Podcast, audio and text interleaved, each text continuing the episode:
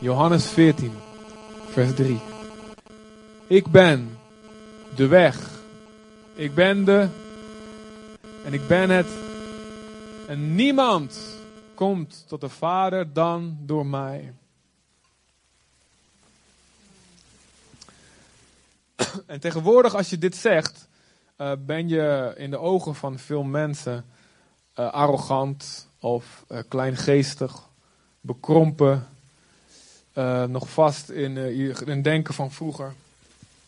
je gedraagt je exclusief. Je denkt, denk jij soms dat je de waarheid in pacht hebt? Denk jij soms dat je het beter weet? Wie ben jij dat je denkt dat alleen jouw weg de juiste weg is? En je moet toch je open van geest zijn en openstaan voor al die uh, wijsheden die er zijn in andere religies en andere levensovertuigingen. En Jezus is misschien jouw weg, maar voor anderen is Mohammed de weg, of Boeddha, of Krishna, of Mammon, of wie dan ook. Voor, voor, voor, voor, jij hebt, iedereen heeft zijn eigen weg en God zal het toch wel allemaal aanvaarden. God zal het toch wel allemaal goed vinden. Want zolang je maar de ander niet te veel kwaad aandoet, misschien eh, onder de 50% blijft van het kwaad aandoen aan anderen, ehm, dan moet het toch allemaal maar goed zijn. En zolang je maar niet uh, een, een, genocide pleegt of zoiets, dan moet God je toch maar aanvaarden. Dus hoezo Jezus? Hoezo ja, Jezus en heeft de kerk misschien niet al die uitspraken bij Jezus in de mond gelegd? Is het misschien niet een hele grote samenswering van een stelletje katholieke priesters die, die de Bijbel zeg maar, helemaal geschreven hebben zoals zij het zelf wilden? Van die mannetjes die seksueel gefrustreerd waren omdat ze celibatair moesten leven en daarom maar over de hele wereld een soort juk hebben willen leggen van alleen hun weg. It's my way or the highway. Ik haal deze informatie allemaal uit uh, vele gesprekken die ik heb met ongelovigen. Het is niet allemaal uh, wat ik zelf zit te bedenken. Maar dit is een gewone greep uit wat je hoort als je praat over Jezus als de enige weg, de enige waarheid. En het leven, niemand komt tot de Vader dan door Hem. Ik heb een keer, um, en, dat was weer een paar jaar geleden, mocht ik bij de Hogeschool van Utrecht, werd ik uitgenodigd om daar te vertellen. In, er was een lerarenopleiding, dus een PABO. Um, ik, weet, nou, ik weet even niet of het middelbare school of basisonderwijs of ze daarvoor getraind werden. Maar in ieder geval, het was een uh, lerarenopleiding. En, um, en uh, toen uh, alle, alle godsdiensten werden behandeld en ook het christendom. Um, ik was, en daar was ik al, op zich al blij mee, want ik heb zelf in Nijmegen gestudeerd. En daar werden alle religies onderwezen bij cultuur en ontwikkeling, behalve christendom. Ja, er werd uitgebreid de, islam en de boeddhisme, zelfs twee lessen, dat was helemaal populair. En, en, en hindoeïsme en alles werd uitgebreid, uh, uh, uh, mocht verkondigd worden. Maar het christendom, nou joh, dat, dat kennen we toch allemaal al. Terwijl ik wist, joh, mijn klasgenoten weten echt helemaal niks van. helemaal niks van het christendom. En ik, was, ik heb nog geklaagd bij die leer. Ik zei, nou goed, dat weten ze allemaal al, joh. Nou, ja. Maar ik was dus blij dat, in, dat in de Hogeschool van Utrecht dat er wel aandacht aan besteed werd. En toen uh, had ik uh, twee lessen. Er, was, er zat een pauze tussen. En de eerste les, de eerste uur, um, heb ik gewoon verteld over uh, mijn eigen opvoeding, mijn eigen bekering. En de ervaring die ik gehad heb, mijn godservaring die ik gehad heb, mijn epifanie, mijn openbaring. Um, in Indonesië, waardoor ik wist, wauw, Jezus is voor mij de weg. Nou, iedereen vond het geweldig. Vond het echt geweldig. En mijn ervaring is ook als ik mijn getuigenis vertel, en ik vertel, dit hoe ik het beleef, mensen vinden dat super. En dan willen ze meer horen. Hij zegt, vertel me meer, hoe zit het dan? En wat zag je dan? En wat gebeurde dan? En ze geloven het ook meteen. En misschien omdat ik hele mooie, grote, geloofwaardige bruine ogen heb. Maar ik denk gewoon, mensen waarderen een persoonlijk getuigenis. Het is hartstikke, ja, hartstikke mooi. En daar zijn, zijn ze naar op zoek. En toen kwam de pauze. En direct na de pauze was de eerste vraag. maar geloof jij dan ook dat die Jezus voor iedereen de waarheid is? Dat geloof je toch zeker niet, hè? Dat was eigenlijk een beetje wat ze ermee hadden verwacht. Want ja, ik ben toch, was toch zo'n aardige eh, jongen, heel redelijk en, en, en, en beetje, leek heel erg op hun. Uh, en, en dus dan, ja, dan moet je ook, ook wat dat betreft als ons denken dat, dat jij ook denkt dat, dit is, dat, dat, het alleen voor jou is, dat voor anderen weer een andere weg is. Ja toch, want ik, ja, je, bent vast niet zo'n bekrompen ziel zoals ik wel eens hoor dat die in het Vaticaan allemaal zitten, of zulke mensen. En toen ik dus, ja, ik probeerde daar heel voorzichtig, nou, nou, nou niet voorzichtig, uh, maar wijs in te antwoorden van, nou weet je, ja, ik, ik geloof uh, um, dat wat ik daar ervaren heb. dat God mij eigenlijk liet zien uh, dat ook jij, dat, dat, dat God mij liet zien dat ik een zondaar was. En dat ik dus iemand nodig had die voor mij de prijs betaalde. Omdat ik anders geen enkele kans had om ooit in Gods heilige aanwezigheid te zou, zou, zou, zou kunnen komen. Zonder verteerd te worden door zijn, het vuur van zijn zuivere liefde. Omdat de zonde nog in mij vast, aan mij vastgeplakt zaten. Nou, omdat ik dat ervaren heb, vanaf dat moment wist ik zeker, dit geldt voor iedereen. Want ik was juist, ja, aan de buitenkant was ik, was, was ik al een vriendelijke, aardige jongen. En, en iedereen dacht al van, nou, die leefde hartstikke goed. En vergeleken met, met heel veel anderen kwam ik er een stuk beter vanaf. En als het voor mij betekent dat in die toestand ik Jezus nodig had en dat ik anders een groot probleem had en de dood verdiende. En om, omdat ik zo duidelijk inzag dat dat super rechtvaardig was als God mij voor eeuwig van hem had afgescheiden.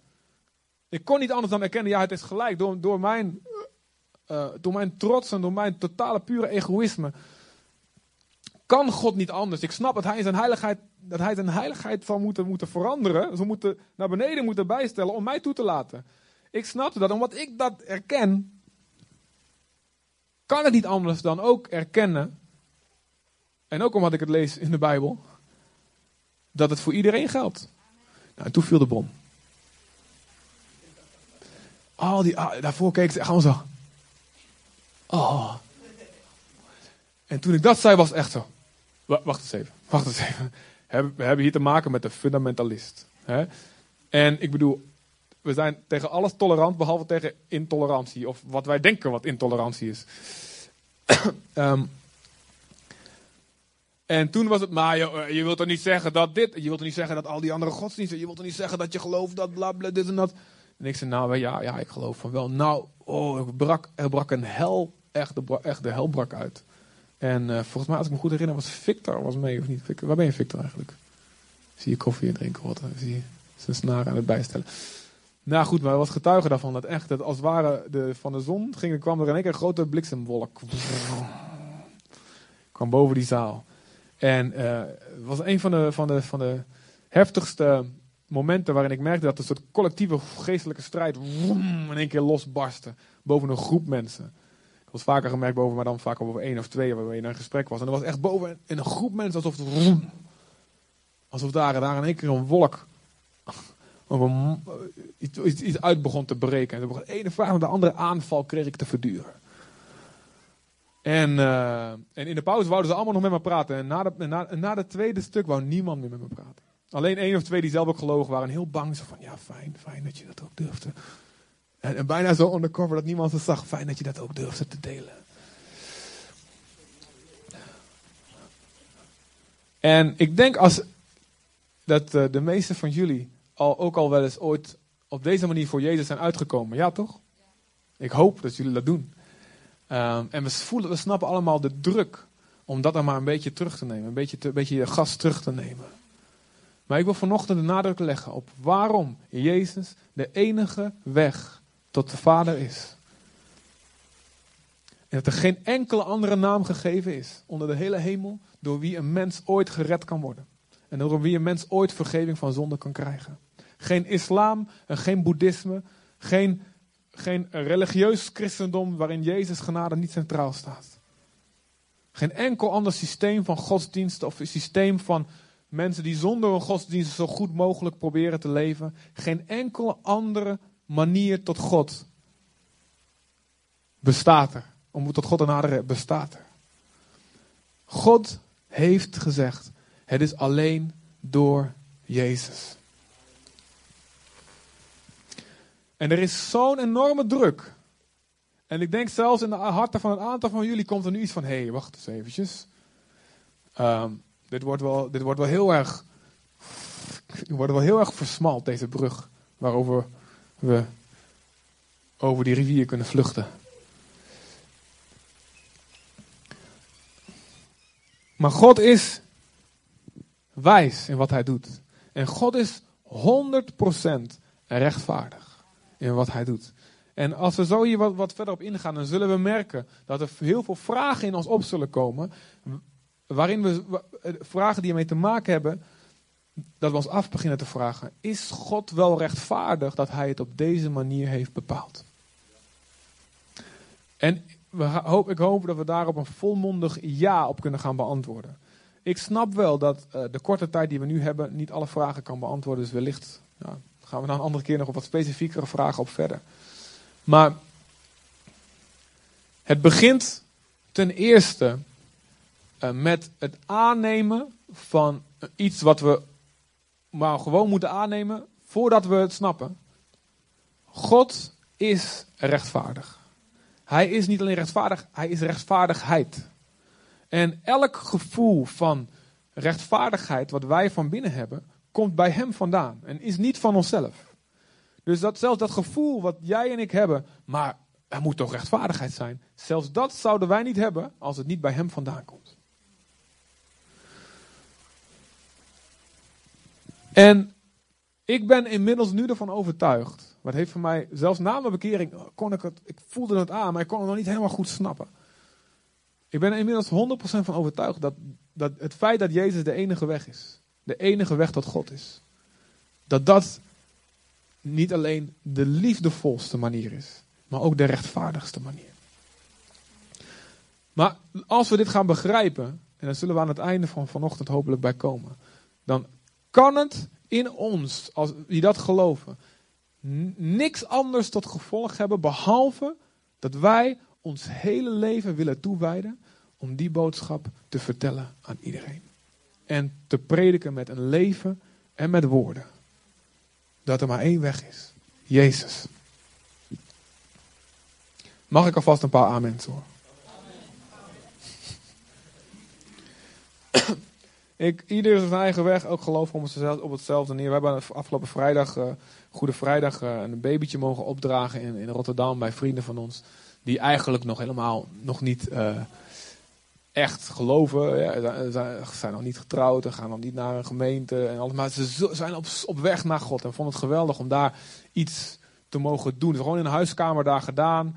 En we hebben ook helemaal geen garantie gegeven, dit kind is vanaf nu gered voor eeuwig. Nee, we, hebben gewoon, we hebben gezegend in Jezus' naam. We hebben ook om gevraagd en de Bijbel gelezen. En mensen waren tot tranen toe bewogen. En, en, en begonnen, begonnen spontaan allemaal liederen te zingen die ze kenden uit de kerk of van cd's. Nou, het was een heel bijzonder moment. En, en, en, en vlak daarvoor waren we gewoon in gesprek en, uh, met, met al die mensen. En er waren um, uh, een aantal Latino's, een aantal mensen uit de Antillen en een aantal Nederlanders. En met, met alle, alle, drie de, uit alle drie de groepen hebben we mensen gesproken.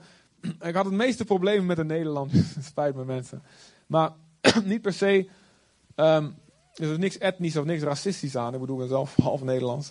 En, um, maar de, de Nederlandse um, cultuur is uh, ja, door de geschiedenis heen en door de ervaring met godsdienst en religie heen zo gevormd dat we eigenlijk bijna geconditioneerd zijn, bijna gedwongen zijn om op een bepaalde manier te denken. En ik merkte dat ik had twee uh, verschillende gesprekken, uh, gewoon een meter van elkaar, maar eerst in één gesprek en dan een ander gesprek. En ik, ik heb um, zo apart, moest binnen vijf minuten van elkaar in twee verschillende gesprekken uitleggen waarom uh, het christendom, islam, jodendom en boeddhisme en al die godsdiensten niet, niet hetzelfde waren. Want allemaal wilden ze zo graag, in die beide gesprekken, wilden, ze wilden zo graag dat alles hetzelfde was. Ze wilden het, en ze wouden eigenlijk bijna niks anders weten. En je voelt je dan echt een beetje zo'n spelbederver als wij het een beetje hebben over, hè, jongens, de wereld vrede en moeten allemaal in vrede met elkaar. Dus het is allemaal hetzelfde. Ja toch, ja toch. Ik, en, oh, ik voel me bijna als spelbreker. Moet ik weer gaan vertellen dat het helemaal niet hetzelfde is. En, en, en, en zelfs zeker bij het tweede gesprek, wou de andere kant, waren, waren twee verschillende mensen die allebei vuurden ze dingen op en af en ze lieten me voortdurend niet uitpraten. Dat was heel frustrerend.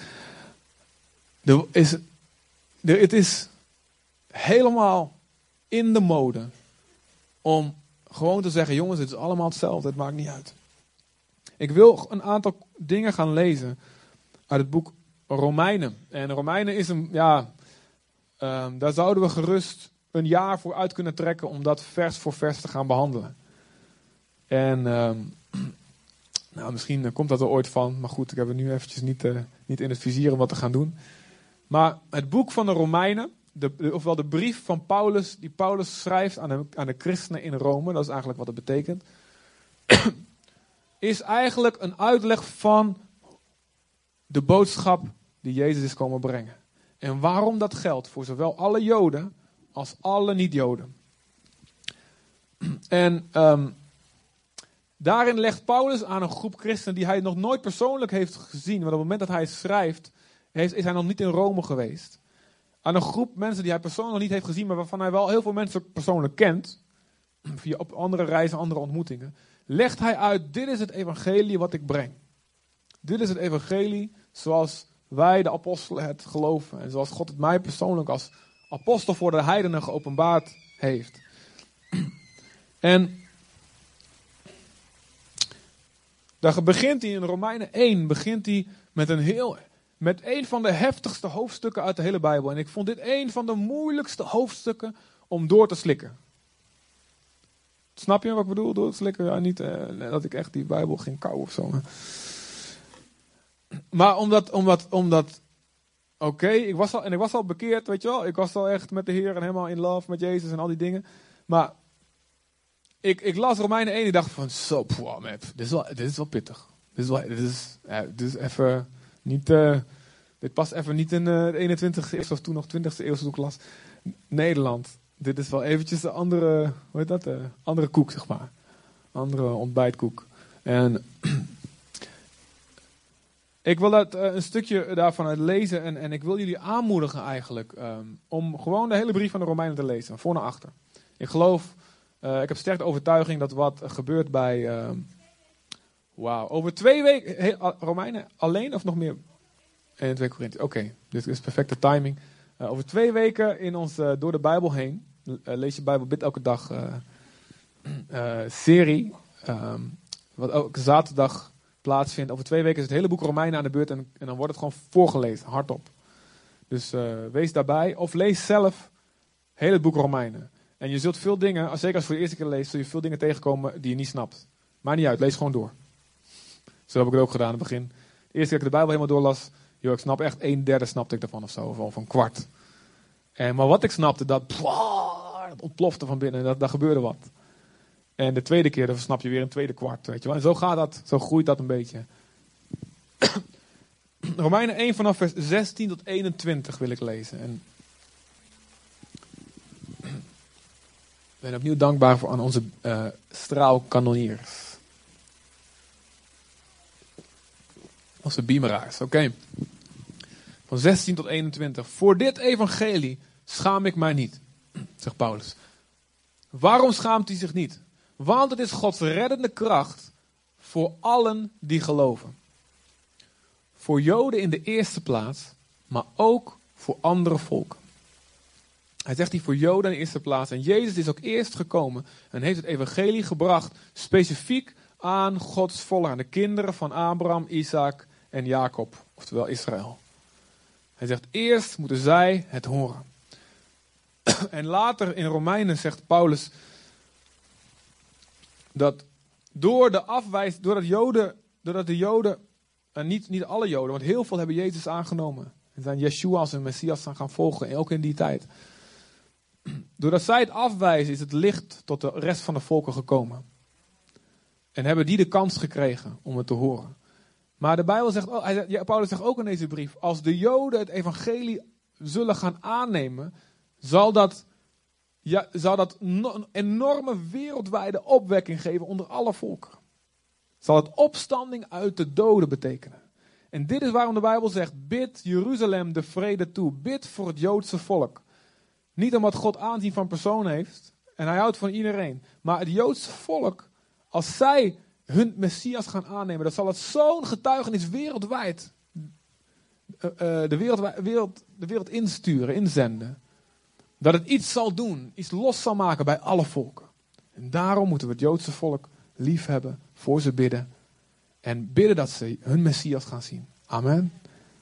En we zien dat dit gebeurt. Er zijn nu meer Messiaanse Joden dan ooit tevoren. Misschien in de eerste tijd waren er ook heel veel, dat is even niet goed te tellen. Maar er is een enorme golf van bekeringen onder kinderen van Israël. Amen. Naar hun Messias. In dit evangelie openbaart zich dat God enkel en alleen wie gelooft als rechtvaardige aanneemt. Zoals ook geschreven staat, de rechtvaardige zal leven door geloof. Een citaat uit de profeet Habakkuk. En vanuit de hemel openbaart Gods toorn zich over al het kwaad en onrecht van hen die met een onrechtvaardigheid de waarheid geweld aandoen. Oké, ik leg dit heel even uit. Het woord toorn, ehm, als je een beetje bent zoals, zoals ik, uh, dan uh, doen woorden als, als je in de Bijbel leest en je leest woorden als toorn en, en, en dan had je in de oude vertaling nog gramschap en grimmigheid en ja, dat, dat, dat kon ik even niet hebben, weet je. En ik, oh, daar heb je weer, weet je wel. En, en ik weet nog, uh, de eerste, kan ik had het boek uh, Jezaja uit en toen kwam ik bij Jeremia. En ik wist, oh, die Jeremia, daar heb je, dat, is, zit vol met van die woorden. En, van dat God boos is en alles. En ik, oh Heer, weet je wel, alsjeblieft. Oh, oké, oké, ik ga vanaf nu geloven, ik ga nu geloven dat, u, dat dit gewoon uw woord is. En dat het op een of andere manier, dat, ik het, dat het goed is. Maar ik heb er eigenlijk helemaal geen zin in, dus laat me met uw ogen kijken. En ik moet zeggen, dat helpt als je zo bidt. Want dan ga je wel met geloof, kom je bij het woord van God. Ook al, ook al, ook al laat het allemaal haar en Jan Verijn staan. Maar we moeten beseffen, wij zijn getraind door onze cultuur. We zijn veel meer dan we beseffen beïnvloed door onze cultuur. En onze cultuur is niet per se de waarheid. Ook de Nederlandse cultuur niet. Hoeveel goede dingen er ook in zitten. Dus als we kijken naar zo'n woord als toorn. Wat bij mij, ik merkte wat bij mij uh, uh, verkeerd insloeg. Is dat ik dacht aan menselijke boosheid. En dit heet met een moeilijk woord, dat mag je meteen vergeten. Een antropomorfe benadering van God. Oftewel, uh, we kijken, we vormen een beeld aan de hand van wat we van mensen gezien hebben. En zo vormen wij ons een beeld van God. En zonder dat we het doorhebben, lezen we zo'n tekst door de bril van onze ervaringen. En het probleem is van die bril dat je niet doorhebt dat je hem op hebt. En iedereen heeft die. En ik ook nog steeds. En we proberen, hoe meer we omgaan met God, hoe meer we zijn woord, onze gedachten laten vernieuwen, hoe meer we Gods bril opkrijgen. Maar goed, ik dacht als ik het woord van woord als toorn las, en ik denk dat sommigen van jullie dat ook wel hebben, daarom leg ik het ook uit. Dan denk je aan misschien aan iemand die gewoon met wie niet te praten valt, die gewoon die dingen van zich afgooit. En nou, is het afgelopen. Toch? Heeft sommigen van jullie stiekem nog zo'n beeld van God? Of we denken aan Zeus of Wodan of Donar. Lange baard. Op een wolk. Ah, Zo'n Germaanse schreeuw komt uit een Noorse schreeuw of wat, of een Grieks. En dan had een helm op de kop zo. En, dan, en hij zit met een bliksem in zijn hand. En eigenlijk is dat een heidens een duivelsbeeld. Maar we denken aan God. En we hebben een lange baard en dan is bliksem en nou. En daar heb je hem. Hij valt en hij struikelt. Ja, bah! Haha, ik heb hem te pakken. En ik weet niet, ja, jullie kijken me maar aan van waar zit die gast nou te fantaseren. Maar hebben jullie nooit zo gedacht over God vroeger, voordat je hem kent? Nee, ik doe niet zo vroom jullie allemaal. En gewoon. Wie heeft wel eens zo gedacht over God? Niemand? Of iets wat erop lijkt? Iets wat erop lijkt dan? Kom op jongens. Dat voel ik me echt heel raar. Alleen doe het even voor mij. Doe even voor mij. Wie heeft wel zo... Oké dan, oké. Jullie zijn echt heilig. Maar elke keer als je het woord toorn las, en bij mij hielp gewoon een boek over, een boek over, over een theologisch boek van Packer, hielp me heel goed hierbij. Elke keer als we het woord toorn lezen, dan moeten we in gedachten houden, maar God is niet als een mens die onrechtvaardige boosheid heeft. Er staat de toorn van een mens, brengt geen gerechtigheid voor God voort. Dus menselijke boosheid zit vol met eigen pijn, eigen verwonding, uh, uh, een gevoel van tekort gedaan voelen. En het, is, het doet altijd weer anderen onrecht aan. Maar Gods toorn of Gods boosheid is helemaal vrij van al die invloeden. Is compleet en God is niet verwond en doet niet vanuit zijn verwondheid andere pijn. Zoals wij wel. Amen. God is puur, heeft niks anders meer nodig dan zichzelf.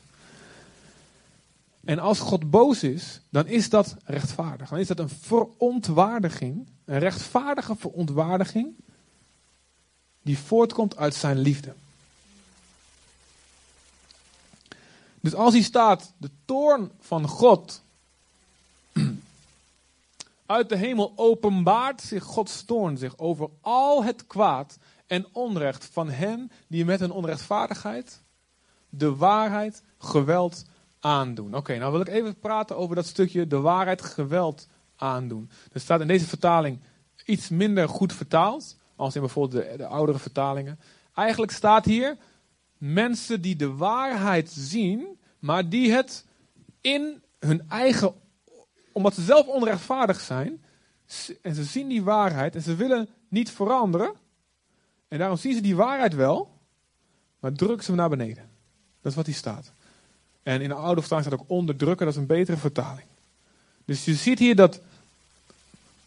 Ah, ten onderhouden. Dat, is ook een, een redelijk goede vertaling. Dus je ziet de waarheid en je weet. Ja, dit klopt. Het is niet goed om te stelen. Het is niet goed om te liegen. Het is niet goed om ondankbaar te leven. Het is niet goed om hebzuchtig te zijn en voor jezelf te leven. Maar wat doe je eraan? En hoe, kan ik ooit, hoe zou ik ooit kunnen veranderen? Dus je ziet die waarheid en je, nou, ik moet hem maar wegdrukken om met mezelf te kunnen blijven leven. Of om mezelf nog aardig te blijven vinden. Druk naar beneden. Of om niet los te laten wat ik gewoon zo'n lekker leventje vind. Kom me niet goed uit. En God is een God die, en anders zou die geen God zijn, die ons kent tot in het diepste van ons hart en de diepste beweegredenen van ons hart kent. Hij weet precies waarom wij bepaalde gedachten wel denken en waarom we andere gedachten zeggen: nee, die gedachten wil ik niet denken. En dan merk je als je iets verder gaat in deze, in deze tekst, als je nog even terug kan naar de nieuwe Bijbelvertaling, en dan weer hetzelfde stukje als net. Ja, en dan even weer naar 19. En vanuit de hemel openbaart Gods toorn zich oh, over. Ja, oké, okay, dan vers 19. Want wat een mens over God kan weten, is hun bekend. Omdat God het aan hen kenbaar heeft gemaakt. Hier staat iets heel revolutionairs waar ik dus in het begin dus helemaal niet kon snappen. Of niet mee eens was. Maar ik zei, nou ja, ik zal hem maar weer neerleggen. Maar hier staat dus dat elk mens weet dat God bestaat. Zelfs de grote atheïst. Al jouw klasgenoten, al jouw collega's, jouw hele familie, al jouw buren. Iedereen, iedereen in, die in de wereld draait door, mooi aan tafel zit. Iedereen in uh, huisje, boompje, Barbie. Iedereen in goede tijden, slechte tijden. Al die mensen weten dat God bestaat. Dus wat hier staat. Huh? Waarom geloven ze dan? Waarom geloven ze dan niet? Ze zeggen dat ze niet geloven. Ze zeggen toch allemaal van, nou, er kan toch geen God bestaan. En wat zeggen ze allemaal? Als er een God bestaat, waarom is er dan zoveel? Zeggen ze allemaal, hè?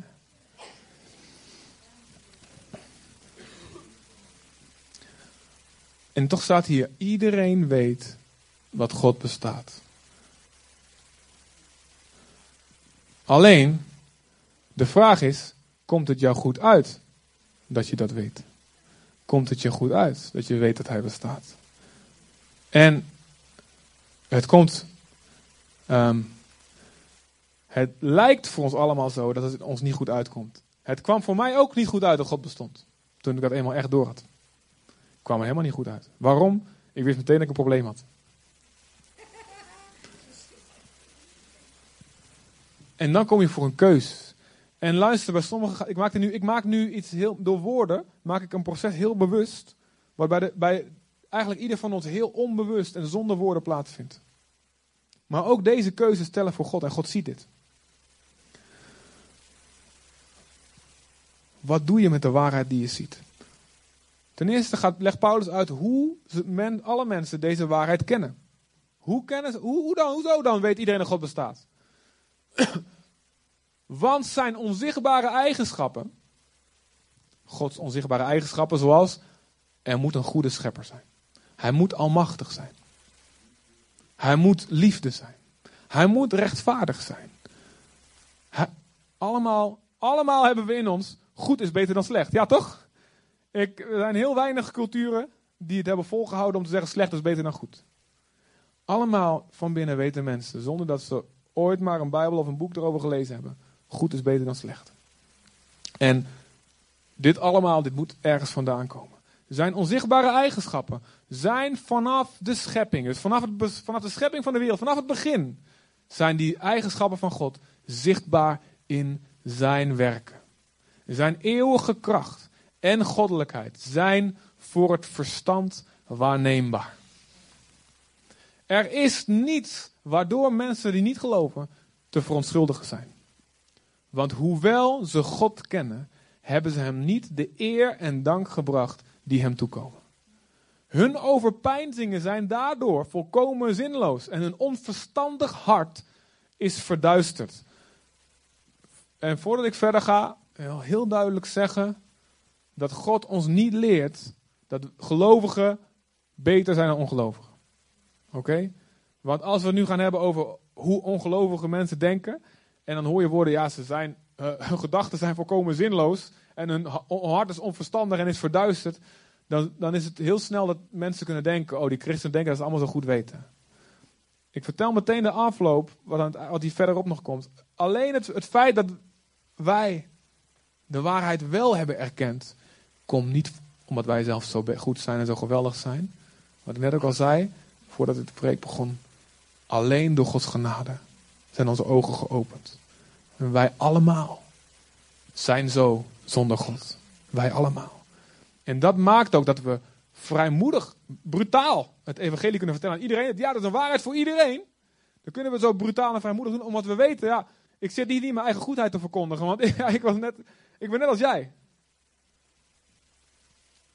Ik verkondig alleen Gods goedheid.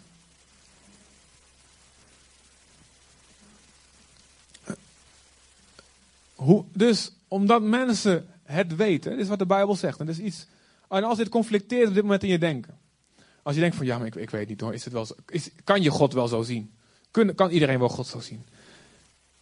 Dan, dan, dan, wil ik je uitdagen, gewoon ga je maar over, ga je maar over zelf naar God toe. Ga, neem eens een tijd. En misschien heb je het nooit gedaan. Doe maar eens je deur van je kamer dicht. En ga maar eens achter je bureautje zitten. Of, achter je, of voor je bed knielen. Of wat dan ook. Of ga maar eens de bos in wandelen. Misschien voor het eerst in je leven gaan zeggen: God, oké. ik heb het nou gehoord. Maar eigenlijk van binnen voel ik nog een opstand daartegen. En ik vind het helemaal. Ik, ik weet niet dat het zo rechtvaardig is. Ik weet niet of ik daarmee eens ben dat iedereen eigenlijk weet dat God bestaat. En onze God is heel lief en hij wordt niet boos als je hem vragen stelt. Hij snapt het. En hij is van harte bereid om ons alles uit te leggen. En nog een keer, nog een keer uit te leggen. En hij krijgt echt geen sik van ons. Hij wordt niet ongeduldig. Hij snapt dat. Hij snapt dat we, daar, dat we daar moeite mee hebben. Omdat hij weet in wat voor wereld we leven. Waarin als het ware zoals een zon verduisterd wordt door de maan. God, zo wordt God verduisterd door onze cultuur. En we weten, ja, waar is die? Dus hij neemt de tijd om ons het uit te leggen. Heeft bij mij ook gedaan. Heeft heel lang geduurd. Nou, ik ga vertrouwen dat bij jullie sneller gaat dan bij mij. Iedereen weet van binnen dat God bestaat. Maar dan, omdat ze dan niet kiezen, als mensen niet kiezen om God daarvoor te danken, te eren of Hem daarvoor dan te gaan zoeken, dan worden je gedachten zinloos. Waarom? Omdat het, de gedachte dat, dat God bestaat de basis is voor alle wijsheid. Er staat in de Bijbel, God vrezen, op een positieve manier vrezen, dus respect en ontzag voor hem hebben, is het begin van alle wijsheid. Dus je kunt professor, dokter in weet ik veel duizenden studies zijn.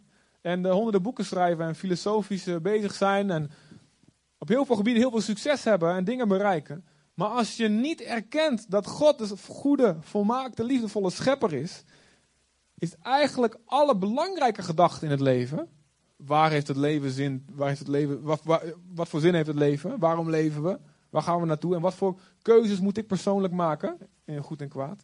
Al die andere gedachten die je dan bovenop die gedachte hebt, maar God is er niet. Die zijn dan, die stort, die stort als een kaarthuis in elkaar. Want je, je, fundament eronder klopt niet. God bestaat niet. Er is geen God. Hij ziet me niet. Of hij is er wel, maar hij, hij, hij interesseert hem niks. Je hebt allerlei variaties daarover. Dus hoe je denkt over God bepaalt de zin of de zinloosheid van al die gedachten die daarna komen. En als je daar niet voor kiest, dan wordt je hart onverstandig en wordt het verduisterd. En dan heb je, dan geef je jezelf allemaal excuses en allemaal smoesen. En dan gaat Paulus in de volgende verse mee verder. En dan kunnen we niet allemaal lezen. Dan geef je, dan, dan, als je denkt, oké, maar deze goede, geliefde, volle, rechtvaardige God bestaat niet. Als je dat gelooft en dat toelaat in je gedachten, dan ga je jezelf toelaten om door te gaan met dingen van je eigenlijk weet, dit klopt niet. Dan kun je mensen vermoorden, dan kun je mensen belasteren, dan kun je je lichaam gebruiken op de vreselijkste manieren. Dan heb je voor jezelf een rechtvaardiging, maar het is allemaal niet erg. Het is allemaal niet erg. En dan eindigt Paulus hoofdstuk 1 en dan zegt hij, hoewel alle mensen weten dat zij die al deze dingen doen die hij net genoemd had in een hele lange lijst van zonden, hoewel iedereen weet dat iedereen die dit doet de dood verdient, doen ze ze niet alleen zelf, maar moedigen ze ook anderen aan om, ga maar lekker door. Het is toch zo geweldig, het is toch, maakt toch allemaal niet uit, je leeft toch maar één keer. Je moet toch genieten van het leven. Als je maar een ander geen kwaad ermee doet. Maar, en we doen allemaal elkaar kwaad ermee aan. Maar goed.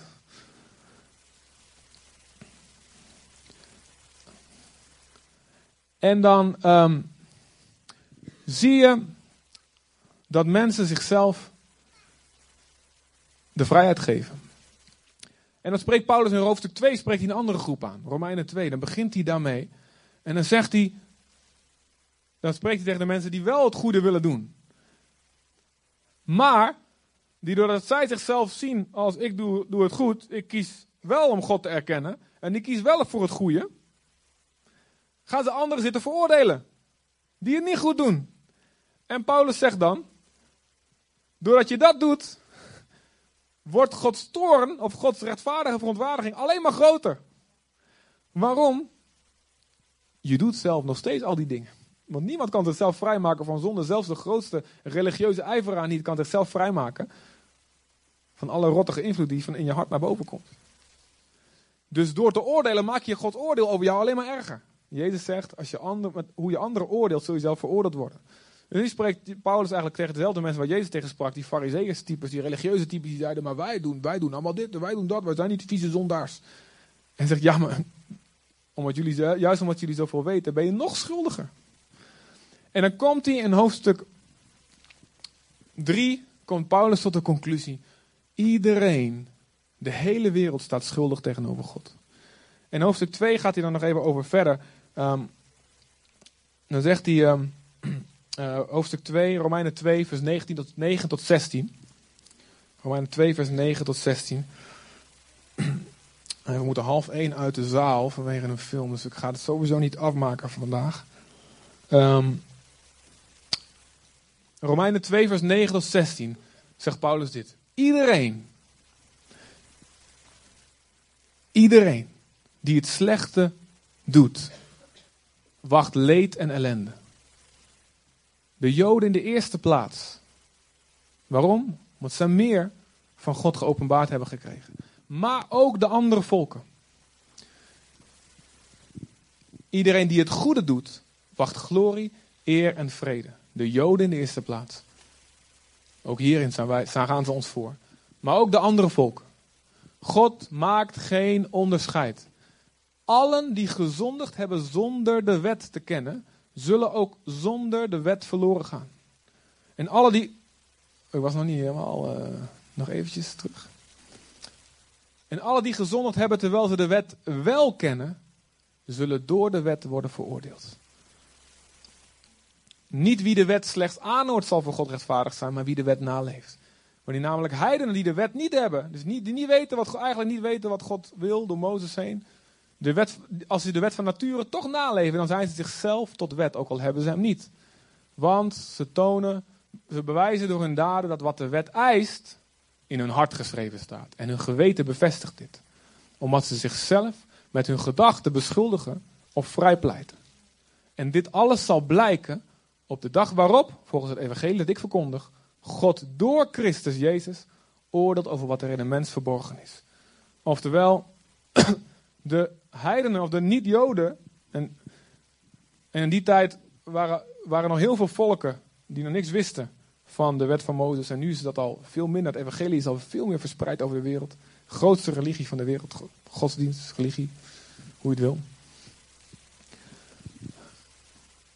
En dan zeiden ze van, maar ja, die, die buitenlanders, die, weten, die kennen de wet allemaal niet. Maar Paulus zegt, ook zij hebben geen excuus. Want ze laten zien dat het in hun geweten geschreven staat. Ze weten het van binnen, wat goed en kwaad is. En dan komt hij tot deze schokkende conclusie. In Romeinen 3, vers Ehm, nou, ik wou het hele stuk 9 tot 20 lezen, maar ergens daar staat in Romeinen 9, Romeinen 3, vers 9 tot 20, als je die even kan zien. Uh, nee, even naar de volgende. Uh, nee, ja, nou goed, hij gaat, hier gaat Paulus helemaal verder. En dan zegt hij, er is geen mens rechtvaardig. En ik pak gewoon even mijn eigen officiële Bijbel erbij. Dan kan ik het vinden. En eigenlijk komt hij tot deze conclusie. En hij zegt, de hele wereld is, staat schuldig tegenover God. De hele wereld.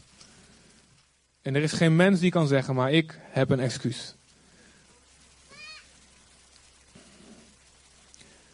Vers 19. De Romeinen 3, vers 19 staat dit.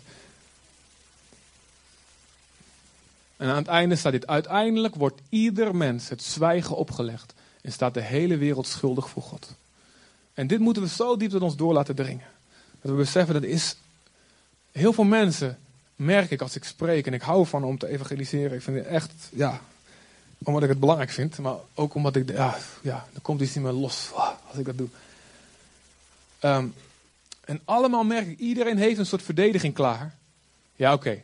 Als ik doodga en, ik kom, en, en, en, die God bestaat hè, en ik kom voor God te staan, nou, dan, dan zal ik dit tegen hem zeggen.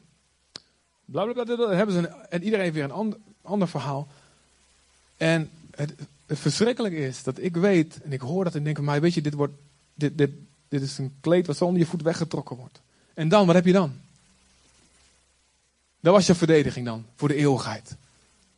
Terwijl er iemand is die jouw verdediger, jouw advocaat wil zijn. Die voor jou wil pleiten, wat we net het woord mooi hebben uitgelegd. Die het voor jou wil opnemen, die een volmaakte verdediging heeft. Namelijk, ja, hij is schuldig. Wat is dan voor domme verdediging? Welke advocaat gaat nou zeggen, zelfs de advocaat van Jasper S. en al die gasten die nou in het nieuws zijn dit jaar. Wat is dat dan voor, voor verdediging? Ja, hij is schuldig. Maar dan zegt Jezus, hij is schuldig. En dit is al allemaal betaald. Het is allemaal afgekocht. Er is geen claim meer. Vanwege zijn zonde, vanwege haar zonde.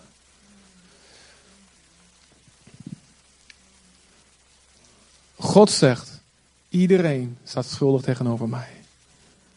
En omdat God van mensen houdt, neemt hij soms de tijd om hun die schuld eens even goed te laten ervaren of voelen. Tot, tot, tot ze uiteindelijk tot dat punt komen. Deze schuld is niet Gods doel met de mens. Maar het is een weg naar zijn doel. Totdat ieder mens zegt: Ja, ik heb de dood verdiend. Maar nu, dankzij uw dood, leef ik met u. Leef ik met u. Er zijn heel veel vragen. Wat dan? Hoe zit het met baby's? Hoe zit het met kleine kinderen die sterven? Hoe zit het met mensen die nooit iets van het evangelie gehoord hebben, ver in de bush bush? Hoe zit het met de mensen die voor Jezus geleefd en gestorven hebben? Hoe zit het met de gelovige Joden uit het Oude Testament? Hoe zit het met de ongelovige Joden? Hoe zit het met al die volken en mensen dat is een hele interessante vraag waar ik vandaag niet aan toe kom. Omdat we uit de zaal moeten. Maar,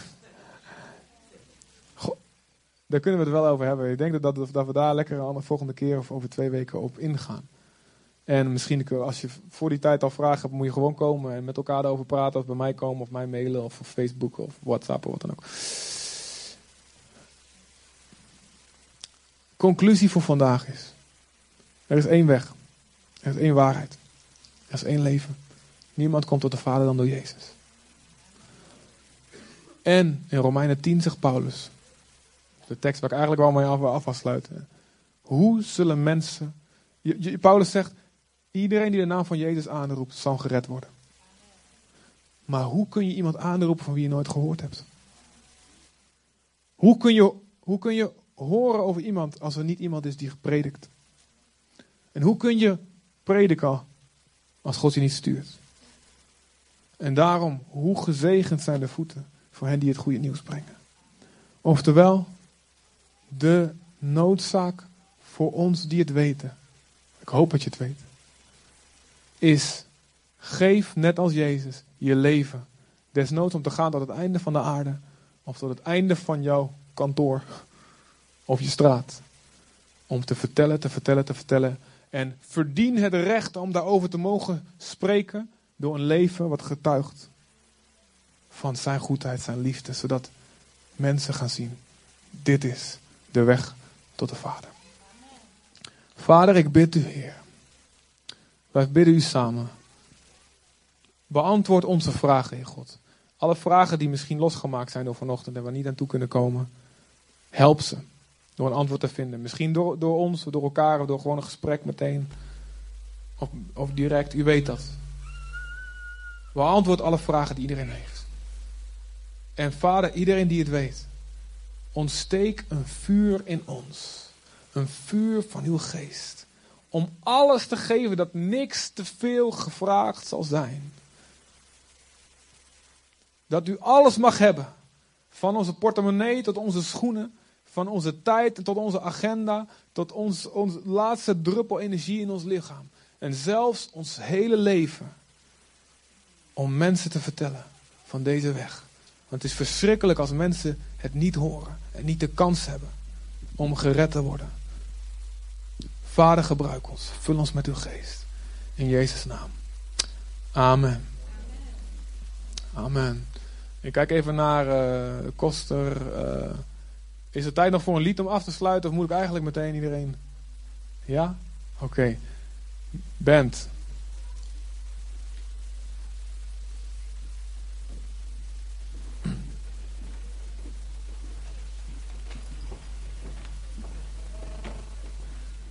Hoe gaat het met jullie mensen?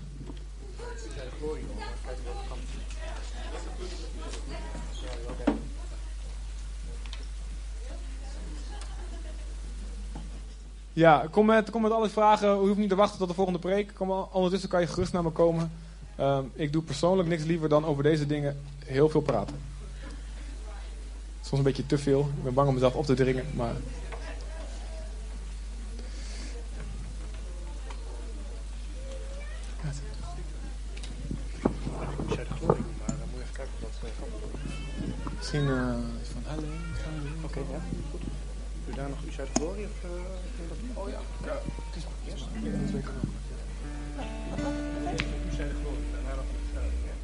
Zullen we staan, lieve mensen. Zullen we hem de eer geven?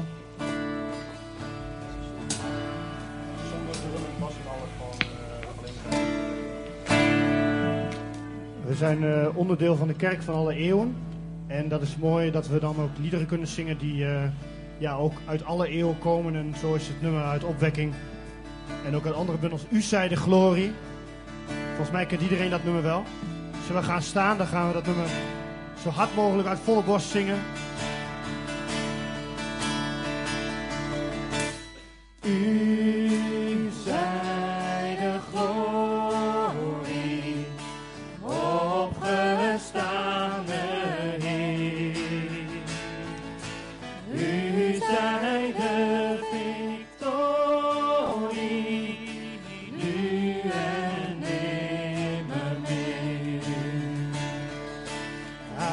Uit